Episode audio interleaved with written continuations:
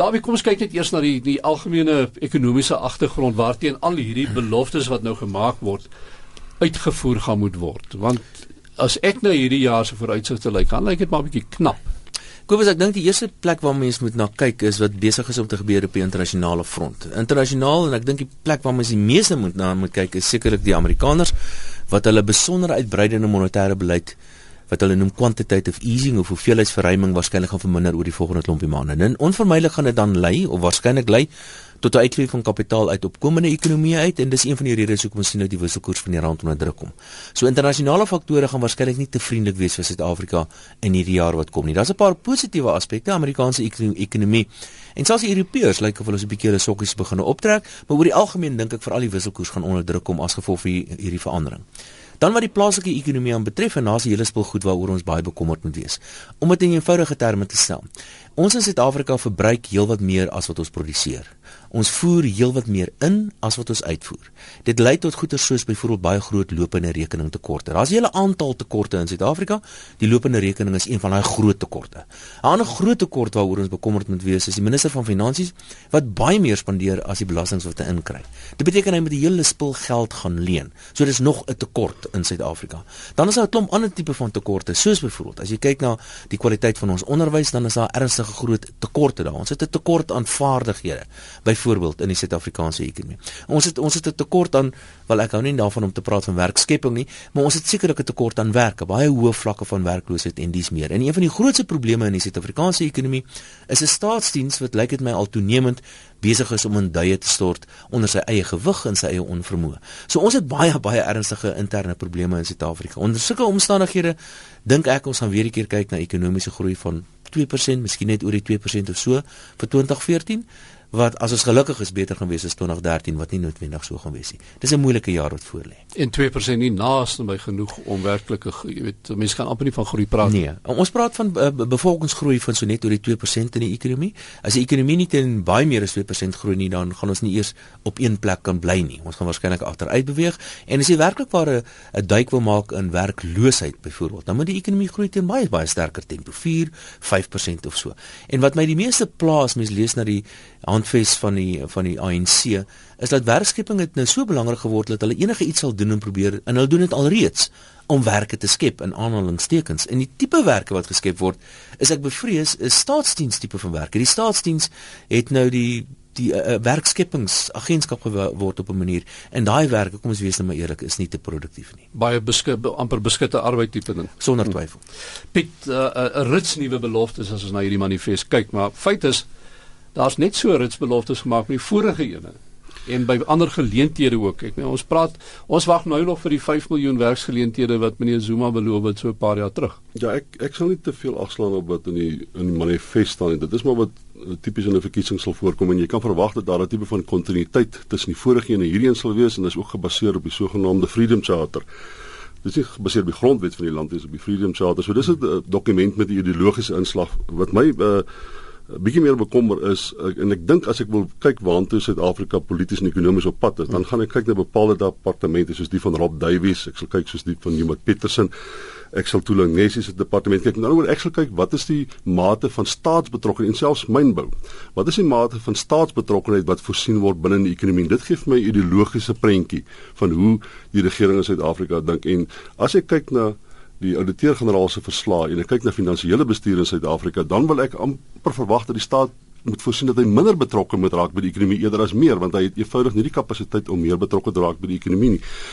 Maar dit is vir my duidelik dat die Zuma administrasie voorsien nie op hierdie stadium uh, wegbeweeg van hulle direkte betrokkeheid by die ekonomie nie. My waarheid te sê dit lyk asof hulle as gevolg van die vertrouenskrisis wat besig om te ontwikkel tussen die ANC en die burgerlike samelewing tussen die uh, tradisionele ANC ondersteuners en die president miskien selfs daai vertrouenskrisis probeer hulle aanspreek deur as dit ware groter betrokkenheid by die by die by die ekonomie en by die samelewing te voorspel en dit is my baie sleg. Die ander kant die ideologiese prentjie is my een wat van 'n staat wat al hoe nader beweeg aan die terrein wat tipies deur die ekonomie of tipies deur die burgerlike samelewing gedomeineer moet word eerder as om weg te beweeg en 'n normale regulatoriese raamwerk te skep in terme waarvan hierdie twee uh komponente van die samelewing hulle self kan uitleef.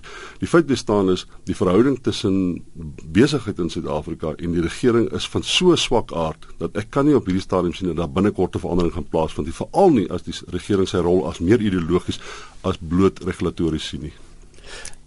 Daarby uh politici en die ekonomie. Dit is vir my altyd interessant dat ek weet iemand hierdie naweek uh, het ek gehoor hoe iemand ook sê man kyk, hy dink wat hier aan die gang is is dat politici verstaan nie die vereistes wat gestel word in 'n sakeomgewing nie. En daarom dink hulle hulle weet beter. Weet jy Piet maak 'n baie belangrike punt hierso en is dat die staat probeer meer dinge doen. En dit is die grootste fout wat hulle hierso maak om meer goeder te probeer doen. Hulle kom agter die goed wat hulle gedoen het het het gefaal, dit het nie goed gewerk nie en nou probeer hulle meer doen en meer doen en meer beloftes doen en, en maak in die hele proses. En in die proses word die word die word die die uh die goed wat verkeerd gaan, word dit eintlik al meer. En dis presies die ideologiese verwarring wat ek tans in die regering sien. Is dat ons het 'n ons het 'n regerende party en 'n koalisie eintlik op 'n manier wat nie werklik waar 'n behoorlike ideologiese onderbou het nie. Byvoorbeeld, uh Kusatu sal na die ANC verwys as 'n nuwe-liberalistiese tipe van party byvoorbeeld. En dit is alles behalwe wat die ANC is. Ek meen hulle hmm. ken nie eers die terminologie waarvan ons hier praat nie. Ja, die ANC was miskien dit gewees in tye van Trevor Manuel, die beginjare van Trevor Manuel, sekerlik nie vandag meer nie. Ehm um, en wat in die proses gebeur, die staatsdiens word al groter en groter, hulle probeer al meer en meer dinge doen en dan is ek bevrees word die die skade aan die ekonomie word net al meer en meer. Mense moet onthou, Die staat het 'n sekere rol om te speel. Politici het 'n sekere rol om te speel. Ons gaan dit nie wegneem van hulle nie. Soos Piet gesê het, die in die privaat sektor het 'n sekere plek om te speel. Nou dink die politici en die staatsdienste, ek dink dat die privaat sektor doen nie sy deel nie en nou wil hulle inmeng in die privaat sektor aanmoedig op 'n of ander manier en dit is nou eintlik waar die pap op die uh, grond val. En dit is wat ons presies gesien het die afgelope tyd. In steede daarvan om meer te doen, moet hulle eintlik terug staan en kyk wat hulle minder kan doen. En ons sal verbaas wees oor hoeveel van daardie daardie leemtes wat tans in die ekonomie ons bestaan bestaan deur die private sektor gevul sal word. Maar Piet wat wat Dawie nou eintlik ook daarop wys is dat ons het eintlik 'n botsing van ideologie hierso. Wel die ding is uh, op hierdie stadium is dit duidelik dat sê net maar die linkervleuel van die sogenaamde bevrydingsbeweging is in elk geval besig om weg te beweeg en vervreemd te voel van die normale proses, maar nie noodwendig om oor ekonomiese beleid nie, want die ekonomiese beleid in Suid-Afrika is baie baie intervensionisties. Met ander woorde, dis nie hoekom hulle vervreemd word. Die rede is hoekom hulle vervreemd word van die ANC het te doen met faksiegevegte en interne stryde en persoonlike stryde en egos. En mense sou graag wou gesien het dan indien die linkervleuel effens wegbeweeg dat die ANC in die middelgrond gaan ekonomies en dan nou as dit ware uh, groter erkenning gee aan die private sektor om die land beter te bestuur of om ekonomiese groei te bewerkstellig. Maar daar's geen teken dat die uh, feit dat die linkervleuel van die ANC vervreem voel van die van die bevrydingsstryd dat dit is as gevolg van 'n uh, 'n uh, 'n tipe van 'n middelgrond okupasie wat in die ANC plaasvind en daar's ook geen teken vir my dat die ANC sê maar okay nou dat ons ontslaag geraak het van noemsa van hierdie marxisties leninistiese tipe van jargon nou kan ons inderdaad begin om 'n tipe van 'n pragmatiese uh, beleidsraamwerk daar te stel wat ekonomiese groei gaan moontlik maak. Hulle sê dit nie. Hulle hou net aan by hierdie tipe van st groot staatsbetrokkenheid, groot staatsprojekte projekte. Om die waarheid te sê, as die staat as Jacob Zuma opstaan en met selfvertroue, met groot vertroue sê ons gaan 6 miljoen werksgeleenthede skep nadat die hele Suid-Afrika, en ek praat nie van besigheid Suid-Afrika of van die wit Suid-Afrika nie. Ek praat van swart Suid-Afrikaners en Suid-Afrikaners in die geheel sê vir hom, laas het jy gesê 5 miljoen werksgeleenthede, dit het nie waar geword nie. Nou beloof jy 6. I mean, almal weet mos nou al dat dit gaan nie gebeur nie. So ek dink daai vertrouensverhouding uh, tussen die staat en die samelewing, tussen die ANC en die samelewing, tussen die ANC en Jacob Zuma is besig om te groei en dit is net sleg vir ekonomie in sy die ekonomie in Suid-Afrika. Een van die mees uh, basiese elemente van ekonomiese groei is vertroue, vertroue wat die buiteland het in jou ekonomie en in jou bestuur en die vertroue wat jou eie sake sektor het in die politieke bestuur van die land. En daai twee goed het ons baie baie swak nou. Maar Dawie, wat wat staan ons te doen nou hierso? Wat hoe gaan 'n mens want dit lyk nie asof die boodskap as sodanig regtig by die regering uitkom nie. Kobus al die besluite wat hier geneem moet word is moeilike besluite. Hier's nie 'n maklike besluit nie. Hmm. Ek dink ons het ons het 'n groot vraagteken wat ons agter ons politieke leierskap moet plaas sonder twyfel. As mens net ten minste sekerheid het, dis nie noodwendig oor die spesifieke beleid noodwendig nie, maar dis die totale onsekerheid oor die beleid. Ek meen ons het sekere ons het ons makro-ekonomiese beleid wat nie behoorlik geïmplementeer word nie. En dan sê die president kort kort, maar dis nie in graniet gegiet nie. En dit behoort nie in graniet gegiet te word nie, maar maar duidelik sien mense die, die wat hy eintlik probeer sê, hy probeer Kusatu te paai en te sê ek gaan dit aanpas om julle te pas. En mens sien dit ook in hulle handves op 'n op 'n groot manier. So wat 'n mens moet doen om sekerlik goeie politieke leierskap kry, maar dis 'n bietjie wensdenkerry miskien dan is daar 'n rits dinge wat mense eenvoudig van 'n makro-ekonomiese oogpunt behoort te doen. Een ding daarvan is dat ons met die staatsdiens kleiner kry en ons moet die staatsdiens meer effektief kry. Uh en ons moet die staatsamptenare kry om verantwoordelikheid te neem vir die goederes wat hulle veronderstel is om te doen en die politici ook natuurlik. En dit is polities baie moeilik om te doen.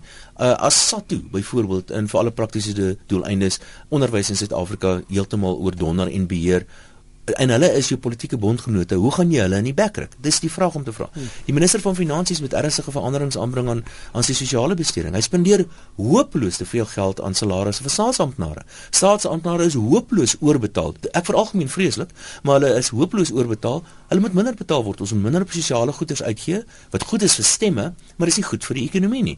Ons moet sekere aanpassings doen aan die belastingstelsel.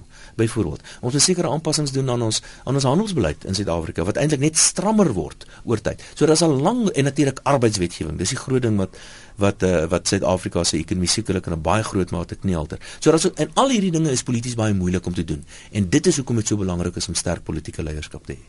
Maar Piet, uh, ek wil nou terugkom by hierdie beloftes, nê, nee, en en die die vraag wat by my opkom is of daar nie uh dat of of die ANC nie dalk dink hoe die ANC leierskap dat jy weet ons het nou in die verlede gesien elke elke met elke verkiesing is daar sekere beloftes wat nooit na, nagekom word nie.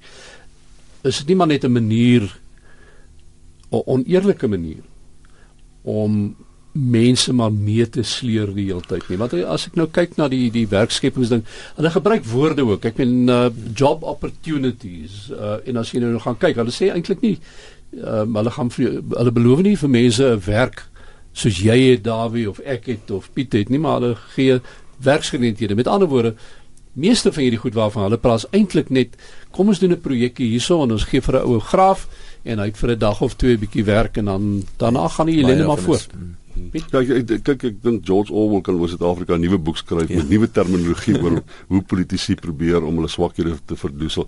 Maar ek ek wil nie te veel konsentreer op die verkiesings verkiesingsmanifest nie want dit was nie die state of the nation toespraak nie. Ek sal eerder die regering wil verantwoordelik hou vir wat in Suid-Afrika aangaan eerder as die ANC nee, uh, as 'n party. Maar hoewel ek moet sê tydens hierdie toespraak het geklink of Jacob Zuma as die president praat van die land eerder as die leier van 'n bepaalde politieke party. Hy het inderdaad beloftes gemaak omtrent namens namens die regering. Maar ek vir my is die die groot probleem is in Suid-Afrika. Ek dink daar's 'n gebrek aan tegnokratiese bestuur. As die minister van finansies, Pravin Gordhan, elke slag verduidelik hy vir ons uh hoe swak dit gaan finansiële bestuur, hoeveel korrupsie daar is, hoeveel geld nie behoorlik spandeer is nie. Die ouditeur-generaal chip in en hy verduidelik dit ook vir ons. En ons sien verskeie ondersoeke onder andere die deur Tule Modensela. Modensela. Ek kan nie verstaan hoekom kan Pravin Gordhan en ek aanvaar dat elke provinsie het 'n mate van eie bestuur ook in Suid-Afrika, maar ek kan nie verstaan hoekom kan hy nie sê kyk ons gaan die ouditeur-generaal se verslag vat en ons gaan net dit wat ons swak bestuur probeer regmaak. As jy kyk na die ouditeur-generaal se verslag, dan is daar op elke vlak van die regering is daar korrupsie, gebrek aan uh, ekspertise, gebrek aan leiding, ja. gebrek aan gebrek aan behoorlike bestuur en wananwending wananwending van fondse. As jy wil begin vertroue skep in die Suid-Afrikaanse ekonomie, moet jy juis begin om te sê maar ons gaan op 'n tegnokratiese manier gaan ons Suid-Afrika beter bestuur. Pravin Gordhan het vir my, hy sê 'n makro-ekonomiese beleid daar gestel wat hy baie voor geprys word, maar hy het niks gedoen om finansiële bestuur in Suid-Afrika reg te ruk nie. Nou ek vra die vraag, het hy nie die politieke legitimiteit of die krag of die vermoë of die kapasiteit of die president agter hom nie want normaalweg 'n minister van finansies is so sterk as 'n steen wat hy kry vir sy van sy president. En iets sê vir my, hy kan nie noodwendig enige vorm van politieke steun nie of hy stel nie regtig belang of hy sien nie die pertinente probleme in die Suid-Afrikaanse ekonomie is een van swak finansiële bestuur wat sy taak onmoontlik maak nie. Hmm. Mens wonder ook soms of daar nie ook uh, ons nie 'n uh, stadium bereik het waar mense weet soveel van mekaar. Hierdie ouens wat almal in daai poste sit en so aan dat jy weet as ons nou gaan moet begin optree jy tree teen my op dan gaan ek teen jou optree ja, dis dis onder ek dink jy, jy slaan die spyker op die kop. Dis een ding wat eintlik min in die openbare diskurs gesê word. Jy moet onthou Die hele uitvoerende gesag en die direkte bestuur van die ANC is een groot massiewe patronaatstelsel. Met ander woorde, daai mense word verkies in terme van die verhouding wat hulle handhaaf binne die politieke party eerder as enige vorm van politieke meriete of sta standaard of standing wat hulle in, in die samelewing het. Hulle word nie verkies op 'n populêre basis nie. Hulle word verkies in terme van hulle verhouding met ander politici en baie keer is dit 'n korrupsie korrupte verhouding en soms is dit net 'n afhanklikheidsverhouding. Maar al hierdie goed ondermyn die beginsel van meriete en 'n uh, uh, uh, tegnokratiese bestuur van jou politieke ekonomie. Kan kan ek miskien net 'n opmerking maak oor Jy gaan vir ons afsluit daarmee ek en Wessel sê ons moet nou klaar maak. So. Pravin Gordhan is 'n regte tegnokraat. Ek dink hy sê sekere minister van finansies, maar die politieke ondersteuning dink ek is nie daar nie. Mense het dit gesien het met die ding dat drank mag nie gekoop word meer nie en kredietkaarte mag nie in iewes skielik het hy gat omgedraai en ek het so 'n idee dit is omdat hy nie politieke ondersteuning het nie. Anderster as wat Trevor Manuel was. So sê Dawie Rood van die Vision Groep en uh, saam met ons in die ateljee Piet Kroukamp van die Universiteit van Johannesburg. Meneer baie dankie.